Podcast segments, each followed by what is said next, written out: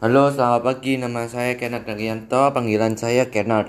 Uh, jadi saya akan menjelaskan mengapa musik barat dapat berkembang di suatu negara, tapi tidak akan sama dengan negara lainnya. Saya akan memaparkan jawaban saya. Menurut saya, selera dalam masyarakat tuh dari suatu negara beda-beda. Uh, karena masyarakat, karena selera mereka beda-beda, sehingga membuat musik barat berkembang di setiap negara berbeda-beda. Jadi tergantung selera setiap negara dan masyarakat masing-masing.